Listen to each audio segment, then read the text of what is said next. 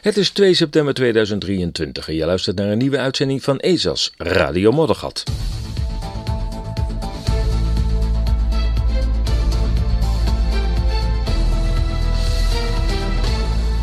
En in deze uitzending Symposium Bevrijding van Bedrog. Dan een adviesrapport, nog eens even in herinnering roepen. En dat ging over hoe ontwricht je Rusland. En de sterarchitect Leon Krier, die King Charles vroeg om afstand te nemen van de psychopaat, zoals hij dat schreef, Klaus Schwab. En wat heeft COVID ons geleerd? En aan het eind van deze uitzending de rubriek Onopgemerkt. Maar eerst, volgende week weer uh, Berlijn bij staan gepakt. Ik weet niet wanneer je luistert, maar luister zaterdag, of in ieder geval zondag, dan, uh, nou ja, zondag ben ik inmiddels alweer onderweg naar, uh, naar Berlijn. En de reden is dat er nou, een weer rondleiding wordt ehm, georganiseerd. ik organiseer dan die rondleiding, moet ik zeggen. En nou, volgens mij heb ik een hele leuke, leuke groep. de rondleiding vindt ehm, niet dit weekend plaats, maar het weekend ehm, daarop. En de rondleiding gaat over, zeg maar, nou ja, de historie van de Berlijn, maar wel in de politieke context van, van de verhoudingen tussen Berlijn, Washington en Moskou. En dat is alleszins uh, actueel. En dat doe ik aan de hand van uh, een aantal stadswandelingen en ook bezoeken aan uh, bepaalde objecten. Waardoor nou ja, die geschiedenis ook tot leven komt en ook in de huidige tijd wordt geplaatst. Dus eigenlijk de actualiteit van nu, de hele situatie rondom uh, Oekraïne, de rol van Duitsland daar, uh, daarbij. Um, dat komt allemaal aan bod. Ik heb er heel veel zin in. En dat betekent dat inderdaad volgende week uh, de uitzending uit Berlijn zal komen. De akoestiek zal wat anders zijn. Ik weet nooit hoe die akoestiek zal zijn. Om de doodeenvoudige reden dat ik elke keer weer in een ander appartement in Berlijn zit. Ze hebben over het algemeen van die hele hoge kamers, hè, hoge plafonds. En uh, nou ja, die zijn akoestisch. En hebben ze meestal houten vloeren. Dat is in, in, in Berlijn is dat uh, helemaal een ding. Houten vloeren. Ik kan me nog herinneren dat ik een appartement huurde. Uh, die was dus duidelijk niet voor mij. Maar ehm, er klopte er iemand aan en die zegt: Ja, ehm, ik wil het appartement kopen. Nou ja, ik ben natuurlijk niet de eigenaar. Maar ik zeg: Ja, nou en? Ik ben niet de eigenaar. Nee, maar ik, uh, mag ik even naar de vloer kijken? Ik zeg: Nou, als u aan de andere kant van de drempel blijft staan dat, die instructie had ik meegekregen van de eigenaresse. Die heeft dat vaker meegemaakt.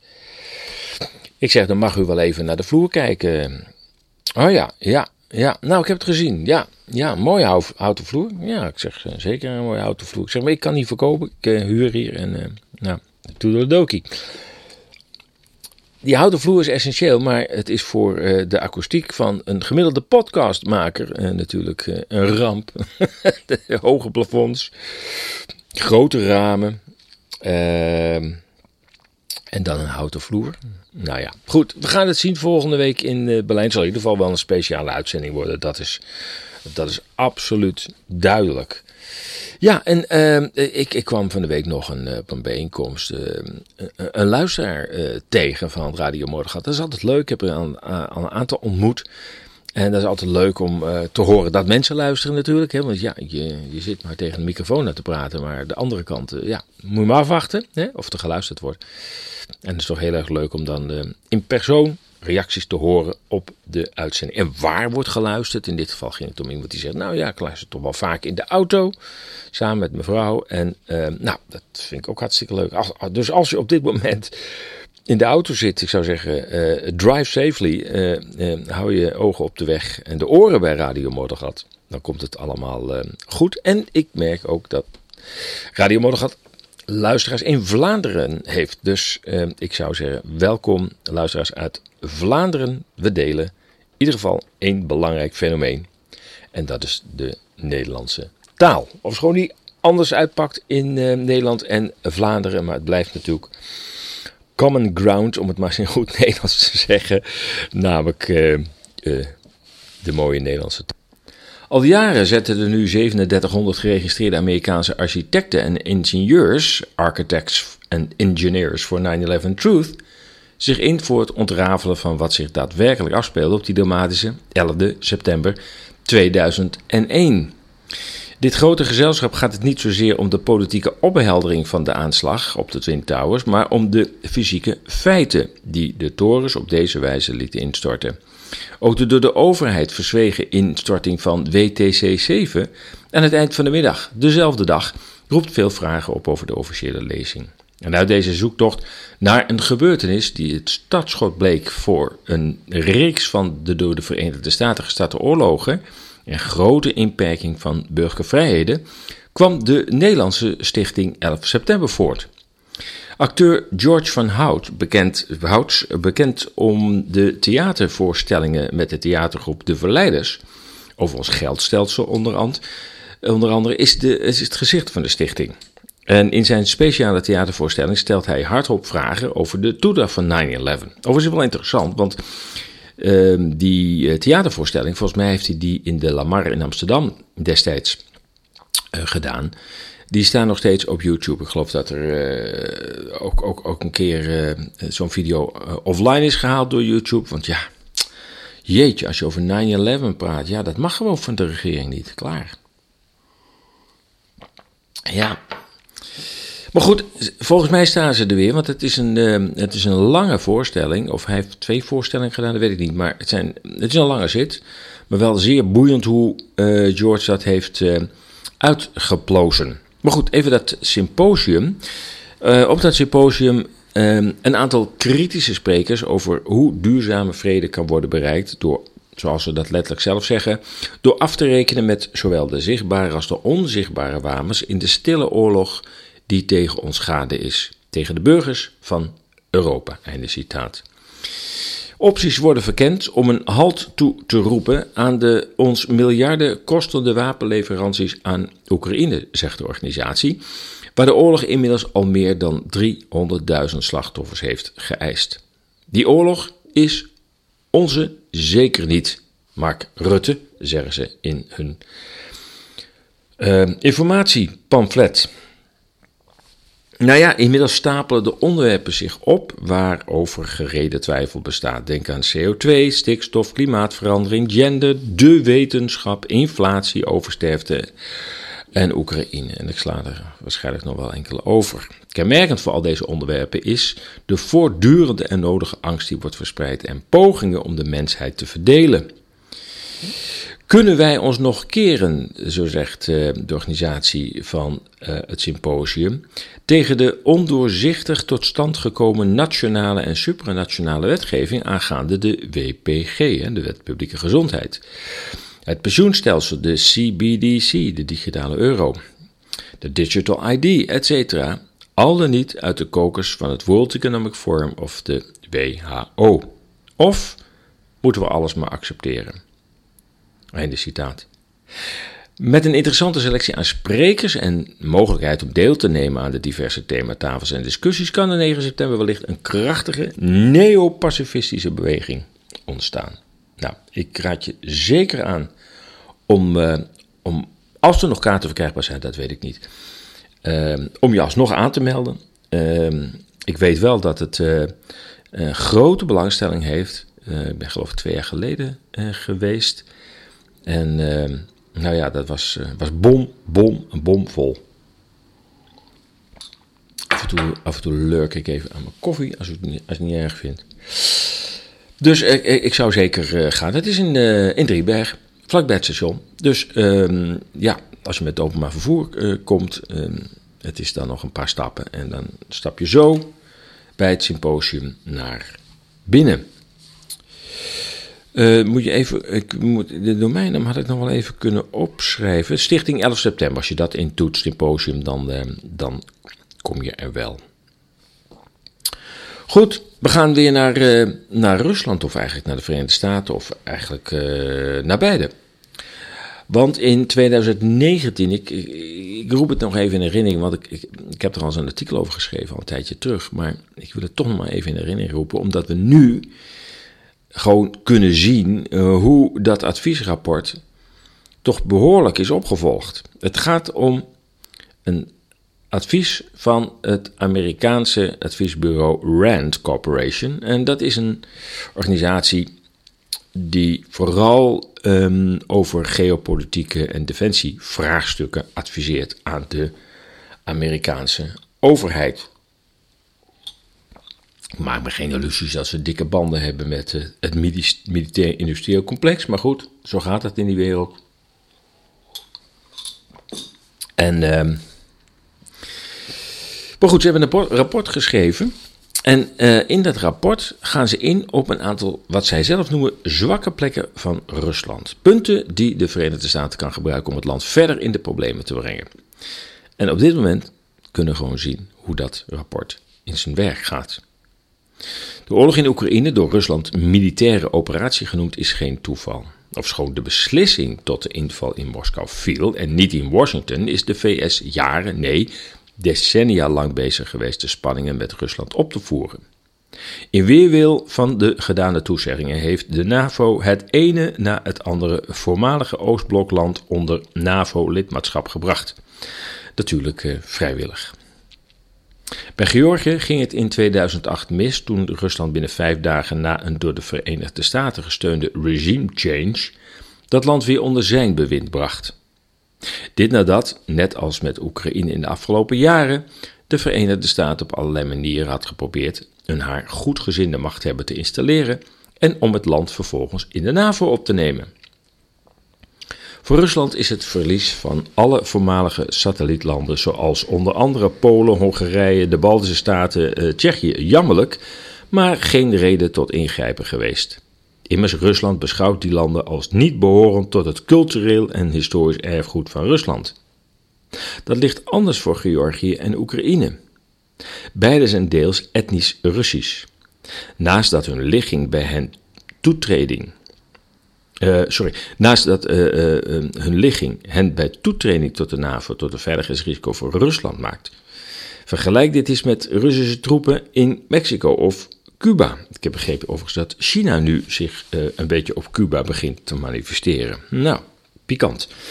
Moskou koestert geen ambities om die landen te bezetten. En ik heb het over Georgië en Oekraïne. Maar de komst van vijandige wapensystemen in die landen is voor Rusland onacceptabel. Daarnaast wil de Verenigde Staten vasthouden aan een unipolaire wereld. Een wereld waarin er maar één de basis, en dat is de Verenigde Staten. Na de val van de Sovjet-Unie ontwikkelde Paul Wolfowitz, toen onderminister van Defensie, zijn strategische visie voor de Verenigde Staten in de post-Koude Oorlogstijd. Het plan, dat tot op de dag van vandaag de basis vormt voor het buitenlands militair beleid van de Verenigde Staten, had geheim moeten blijven, maar lekte in 1992 uit naar de New York Times. Deze visie, die bekend werd onder de naam van de bedenker, de Wolfowitz-doctrine, had de volgende elementen. De Verenigde Staten is na ineenstorting van het communistische Sovjet-Unie de enige overgebleven supermacht en dat moet zo blijven. Tweede punt uit dat rapport is: de Verenigde Staten leidt de wereld in de nieuwe wereldorde. Overigens anders dan, denk ik, nu eh, eh, onder deze aanduiding wordt verstaan. Want die naam wordt heel vaak gebruikt, maar volgens mij is de lading elke keer weer anders. Goed, derde punt in dat rapport is: weinig belang wordt gehecht aan internationale coalities. De VS kan het wel alleen af, staat in het rapport. Preventief militair optreden is gelegitimeerd als het Amerikaanse belang wordt gediend. Nou, dat dacht Rusland dus ook onlangs in februari 2022. Laat ik maar als eerste de klap uitdelen. Rusland blijft een veiligheidsrisico voor Europa, zegt het Wolfowitz-rapport. Het is de sterkste macht op het Europese continent. Nou, dat was flauwekul, want uh, op het moment dat dit uh, uitkwam, zat de Sovjet-Unie of de voormalige Sovjet-Unie in diep, diepe problemen. Financieel, economisch, sociaal. Ehm, en ehm, ook hun leger was in deplorabele staat. Maar ja, je moet wel een vijand creëren, anders heeft het ook, dan heb je ook geen draagvlak voor tegenmaatregelen, uiteraard. En als laatste punt in het rapport staat vastgehouden als macht in het Midden-Oosten en Zuidoost-Azië om de Amerikaanse belangen te verdedigen. Dat is, uh, dit is geopolitiek de hard style, zou je kunnen zeggen. Maar Rand's adviesrapport heet uh, Overextending and Unbalancing Russia, Accessing the Impact of um, cost imposing options.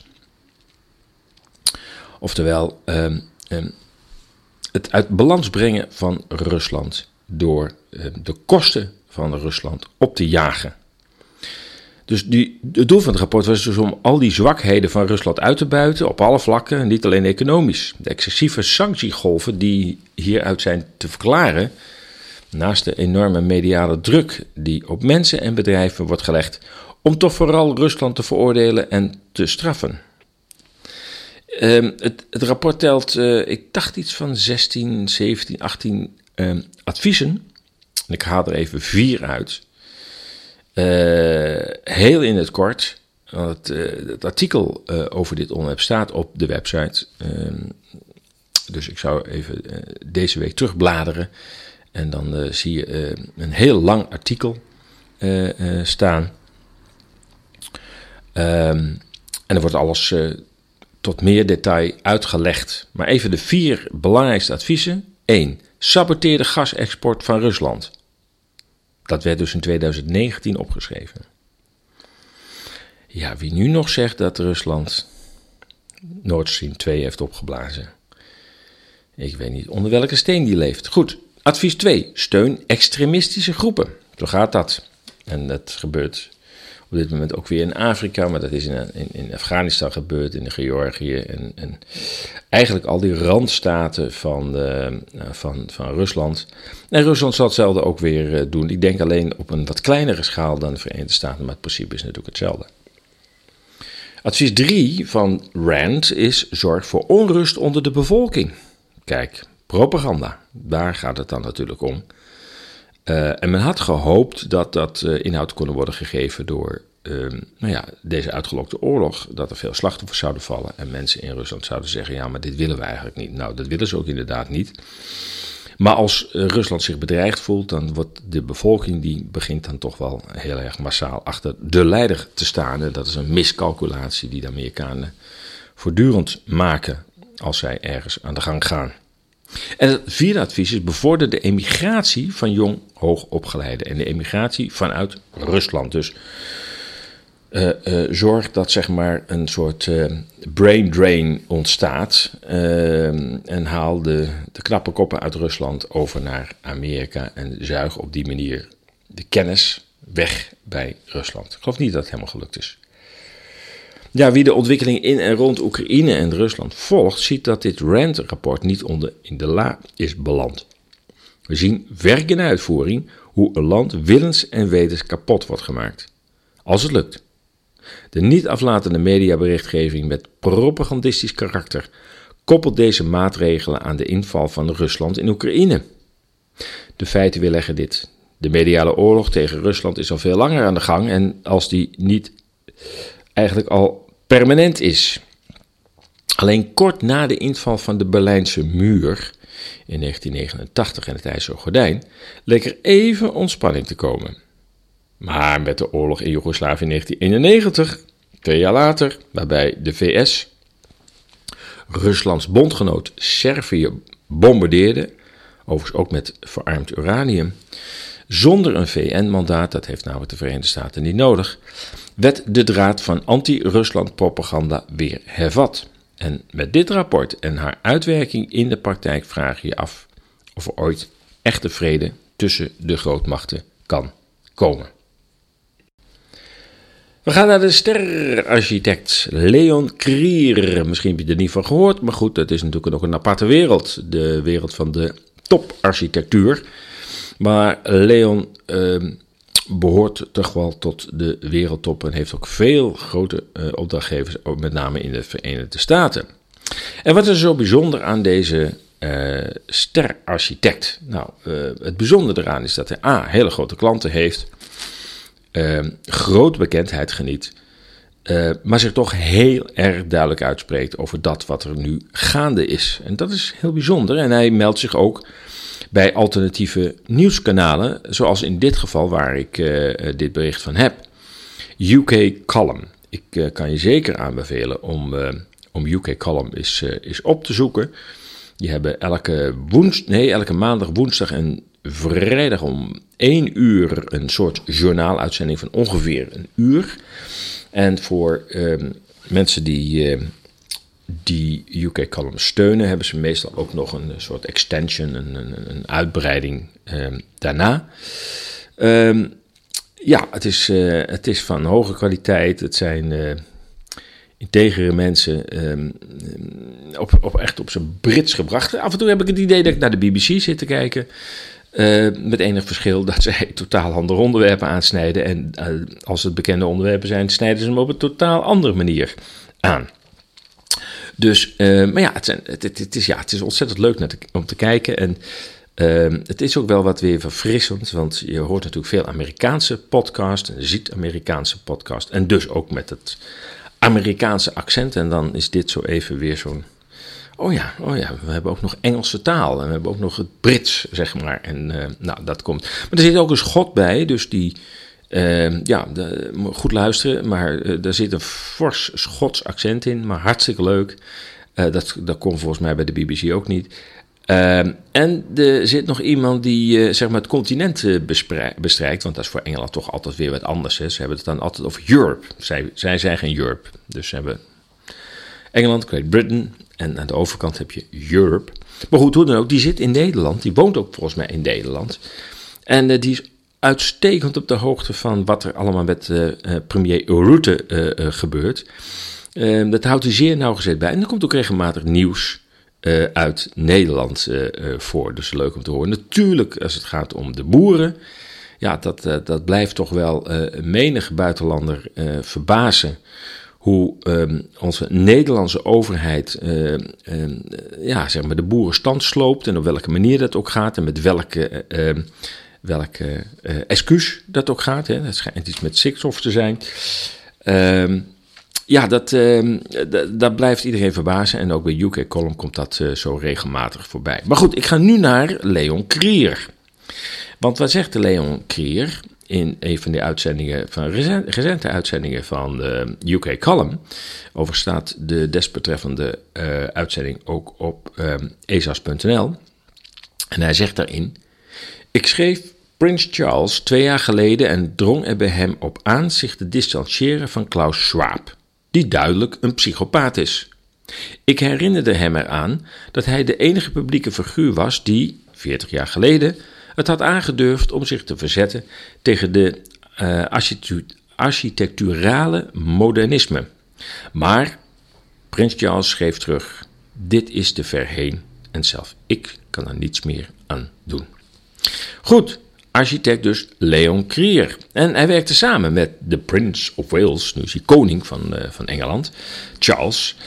En uh, daarmee is hij ook een wereldwijd uh, bekende Luxemburgse architect en urban planner. En hij neemt dus beslist geen blad voor de mond. Hij schreef een brief dus aan de Prince of Wales ehm, om, ehm, om hem te vragen: doe afstand van Klaus Schwab, de psychopaat. Krier prijst de koning, nu koning, voor zijn vroege pogingen om lelijke architectuur en slechte stadsplanning in Groot-Brittannië aan de kaak te stellen. Maar hij heeft geen goed woord over voor de relatie van de koning met Klaus Schwab, wat hij omschrijft als de modernisten van, het vierde, van de vierde industriële revolutie. En letterlijk zegt Krier daarover: Het is een revolutie die ons naar een werelddictatuur leidt met een kleine groep mensen aan het roer.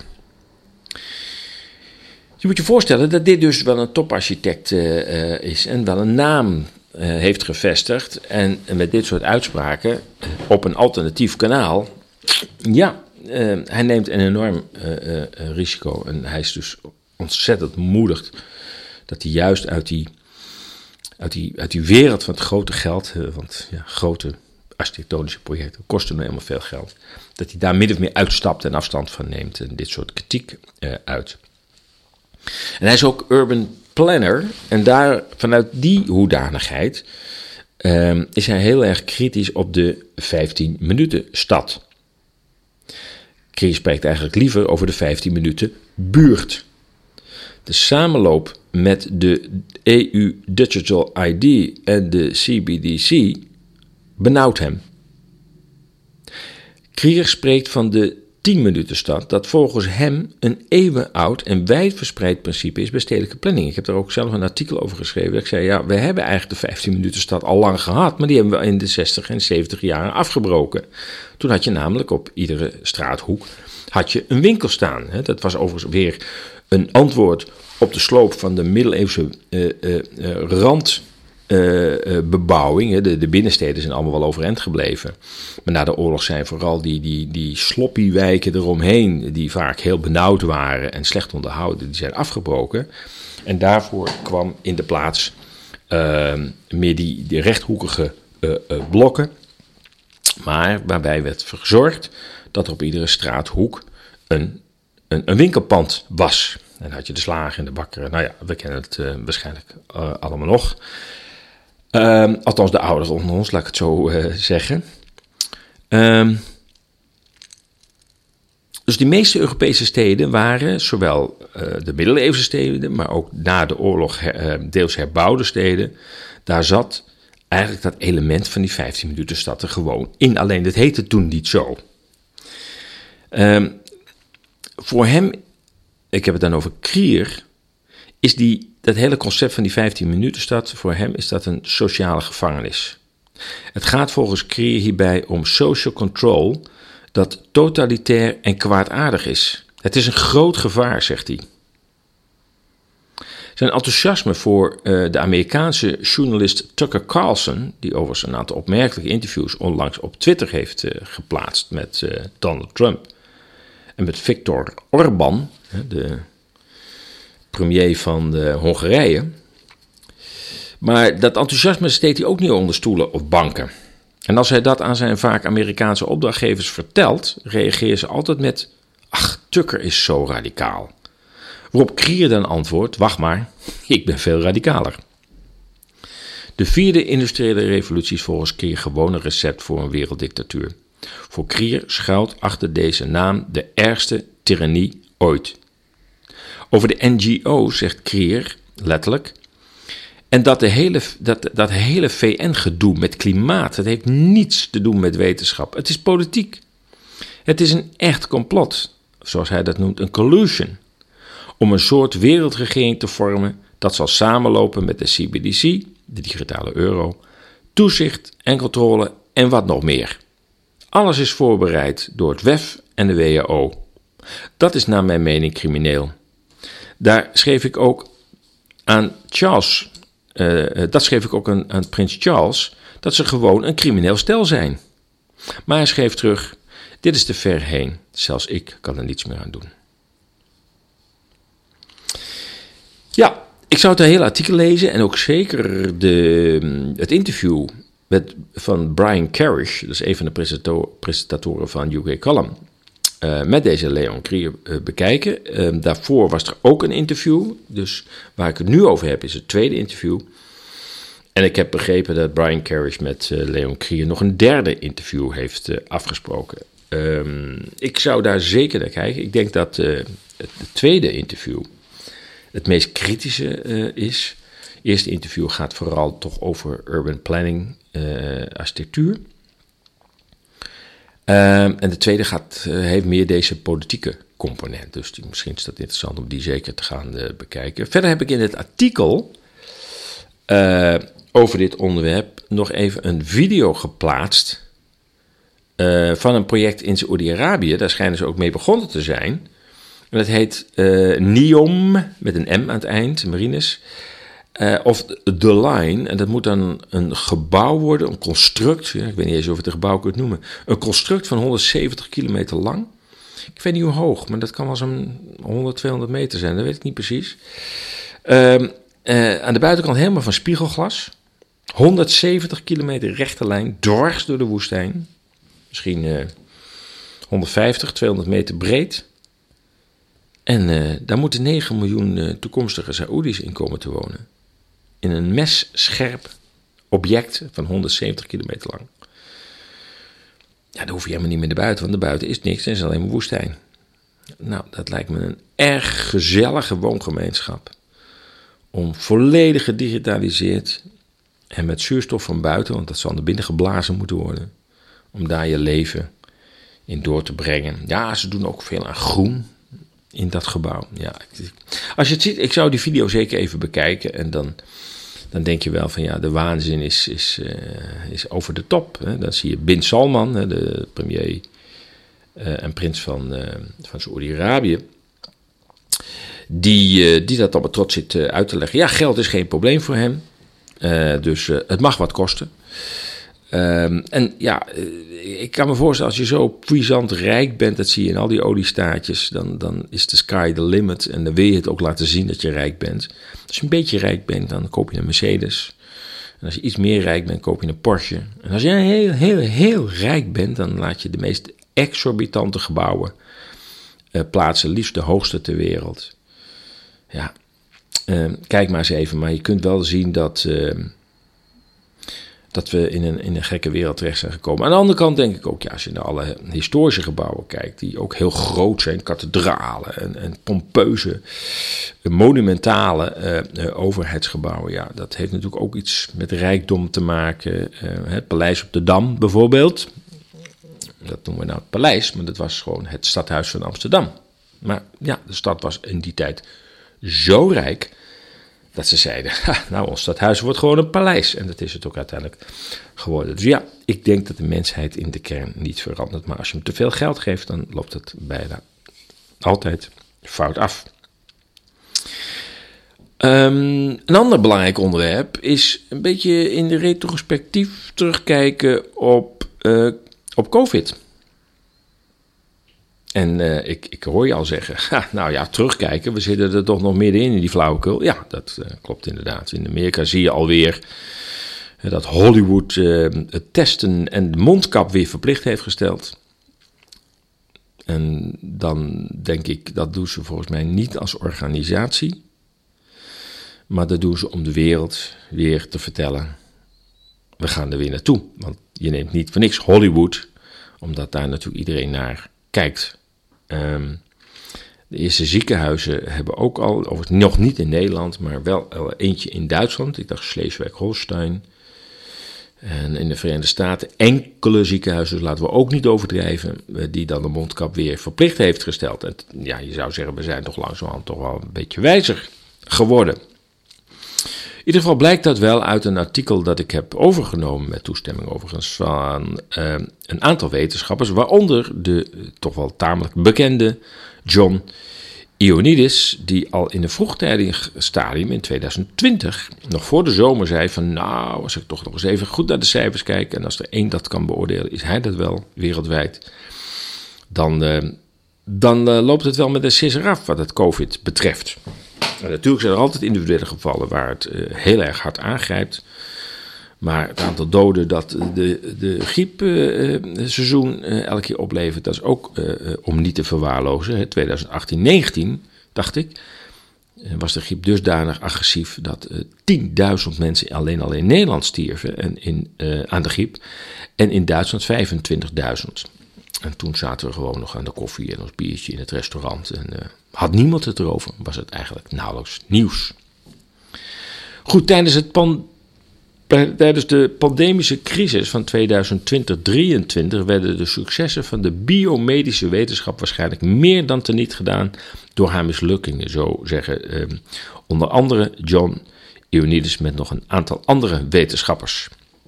Deze mislukkingen ondermijnden de ooit krachtige idealen en hoop voor de rol van de wetenschap in de maatschappelijke verbeteringen. En in dit artikel, nogmaals staat op de website, ontlenen dus vooraanstaande wetenschappers de onderliggende oorzaken van deze mislukkingen en beargumenteren dat zij uh, het herstel van dergelijke idealen uh, uh, graag willen eh, eh, bevorderen om te zorgen dat er een systematische hervorming van de wetenschap komt. De aanzienlijke successen van de geneeskunde tijdens COVID-19-pandemie hadden te maken met snelheid, bijvoorbeeld in de real-time delen van informatie, het in recordtijd ontwikkelen van vaccins en een ongekende snelheid bij het verkrijgen van resultaten van sommige grote, gerandomiseerde onderzoeken naar interventies waarbij beweringen over de effectiviteit solide werden gedocumenteerd of weerlegd. Nogmaals, het zijn niet mijn woorden, het zijn hun woorden. Dat geldt overigens voor alles wat ik uh, nu vertel. Op basis hiervan lijkt de zichtbare rol van de wetenschap en de wetenschappers in de reactie op de pandemie het vieren waard. Fundamenteel onderzoek, translationeel onderzoek, empirisch onderbouwde onderzoeksinstrumenten kenden tijdens de crisis allemaal mooie dagen. Het succes ging gepaard met grote mislukkingen. Sommige van deze mislukkingen waren het gevolg van pogingen van invloedrijke wetenschappers en hun politieke bondgenoten om afwijkende wetenschappelijke standpunten en bewijzen te demoniseren. Vanaf de eerste dagen van de pandemie verzekerden toonaangevende nationale beleidsmakers, beleidsmakers, geconfronteerd met de dringende noodzaak om actie te ondernemen, ondanks zwak, afwezig of tegenstrijdig bewijsmateriaal, het publiek dat ze COVID-19-beleid aannamen door de wetenschap te volgen. Een nieuwe wetenschappelijke elite van mediagenieke experts uit vakgebieden als virologie en uh, modellering, met of zonder relevante referenties, won aan zichtbaarheid en invloed in politieke kringen.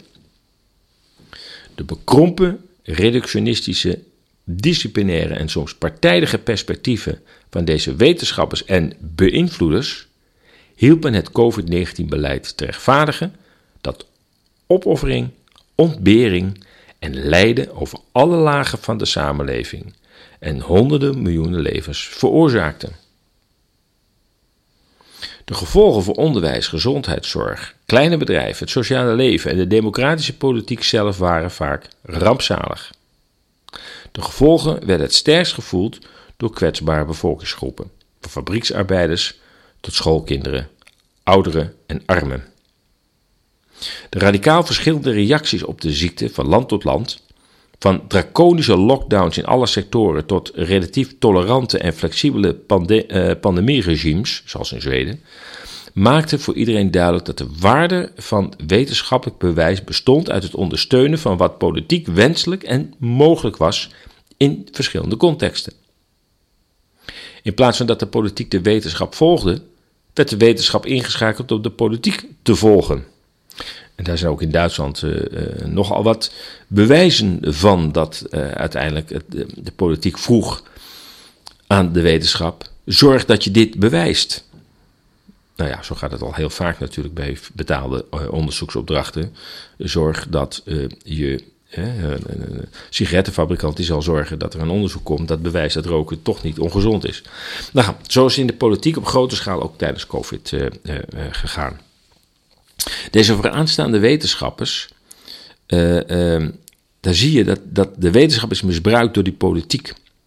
En ze schrijven letterlijk, zelfs niet-wetenschappers voelden duidelijk aan dat er iets fundamenteels mis is met zowel de wetenschap als de reactie op de volksgezondheid. Het publiek reageert door zijn gedrag collectief op deze realiteit.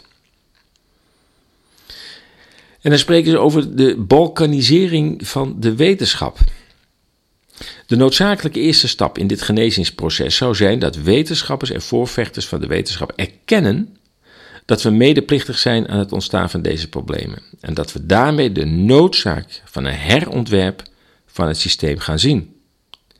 Zonder dergelijke toezeggingen kunnen we een voortdurende balkanisering, oftewel een fragmentatie van de wetenschap, expertise en waarheid verwachten en zullen we moeten hopen dat de samenlevingen bronnen van cohesie en samenhang kunnen ontdekken buiten de opdracht van de wetenschap.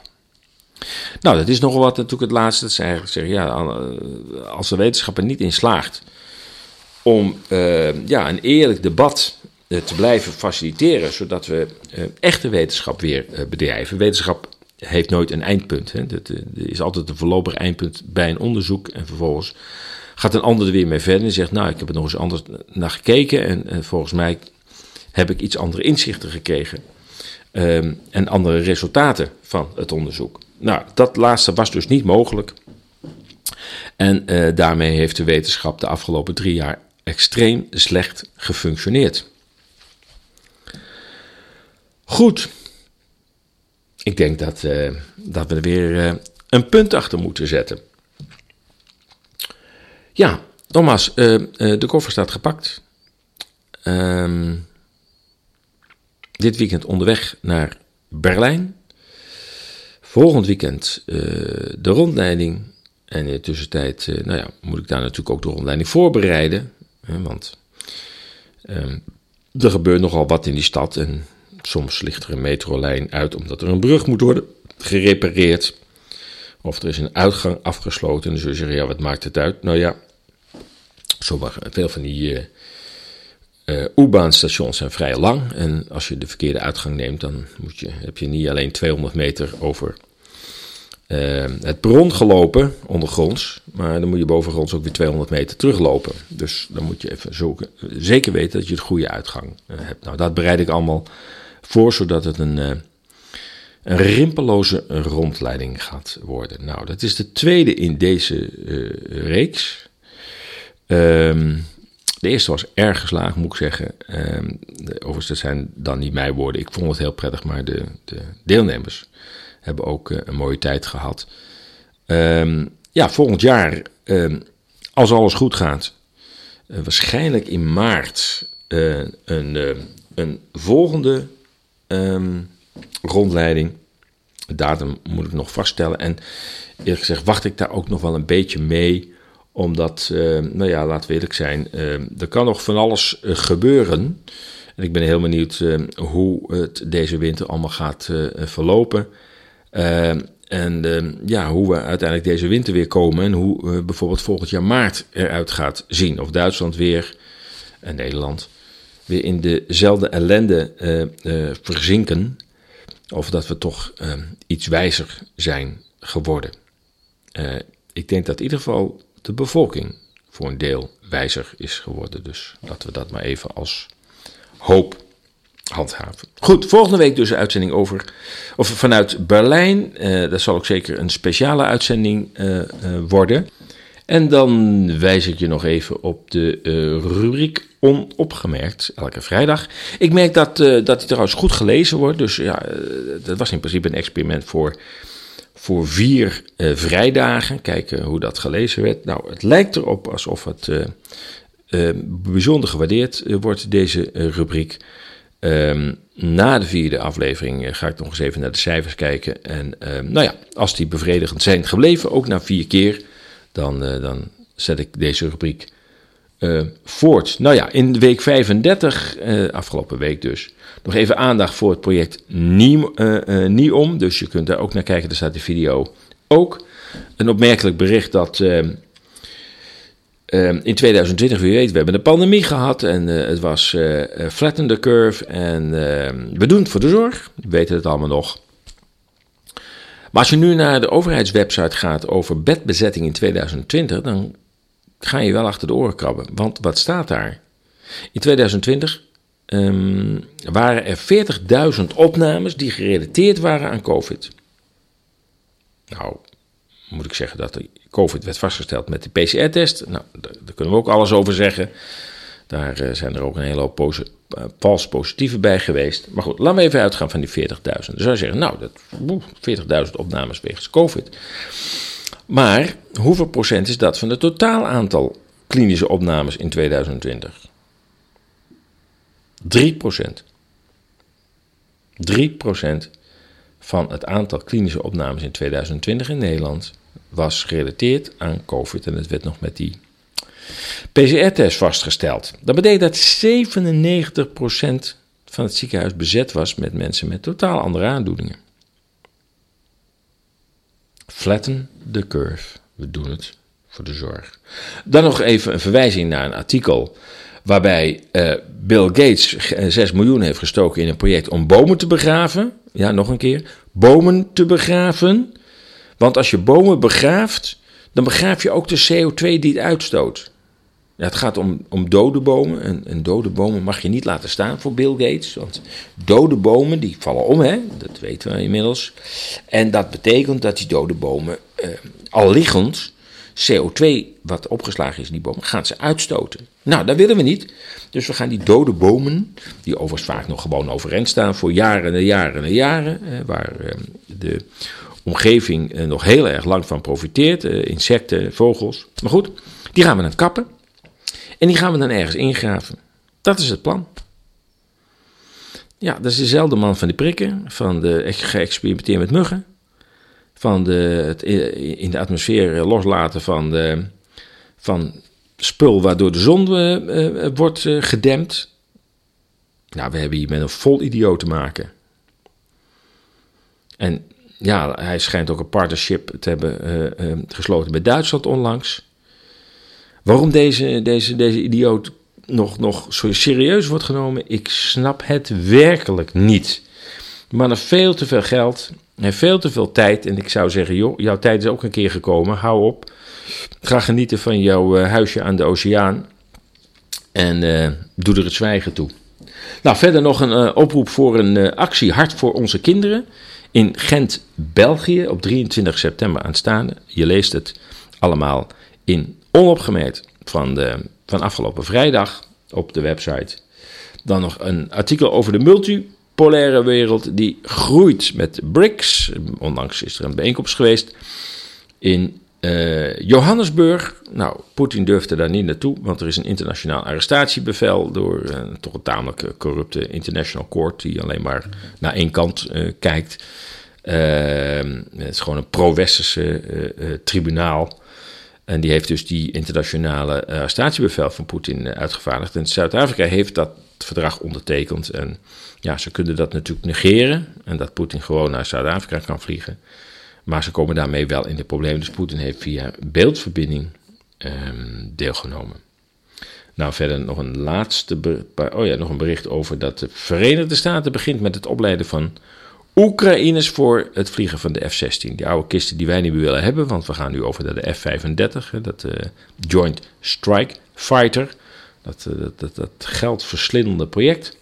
En die F-16's, daar moeten de Oekraïners het voorlopig maar mee doen. Um, en dan nog opmerkelijk bericht dat de Verenigde Staten en China toch op economisch niveau toch ook wel weer toenadering tot elkaar zoeken. Nou, dat vind ik toch wel goed nieuws eigenlijk. En het geeft ook aan hoe. Ja, ik zeg altijd maar zo: als je de politiek en de, vooral de internationale geopolitiek wil beoordelen, dan moet je op verschillende lagen kijken. Je hebt een militaire laag, een publicitaire, een politieke, een economische laag. Uh, en op al die vlakken, uh, ja, soms loopt het allemaal samen. Dan kun je zeggen van de Verenigde Staten is op ramkoers met China. En vervolgens ga je naar die losse lagen kijken. En dan denk je, oh wacht, nee, nee, als het over economie gaat, hè, dan zoeken ze toch weer toe naar. Hoe kan dat nou?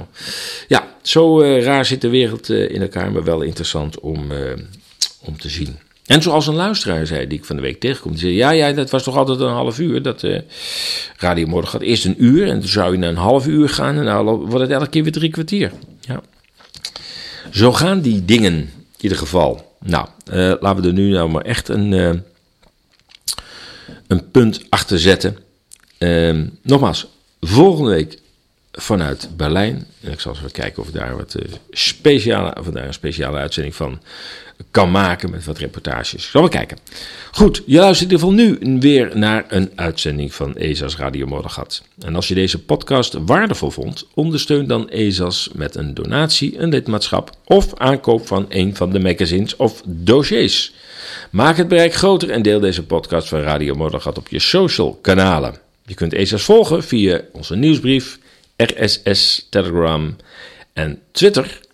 En kijk voor meer opties, zoals Substack, waar ESAS ook op zit, op esas.nl. Helemaal rechtsonder, heel rechtsonder aan de, uh, van de website, staat een linkje naar een pagina waarin alle kanalen staan waar ESAS te zien, te volgen is. Goed, ik zou zeggen tot volgende week uh, uit Berlijn. Voor nu wens ik je een goed weekend. Blijf waakzaam, blijf sterk en tot volgende week.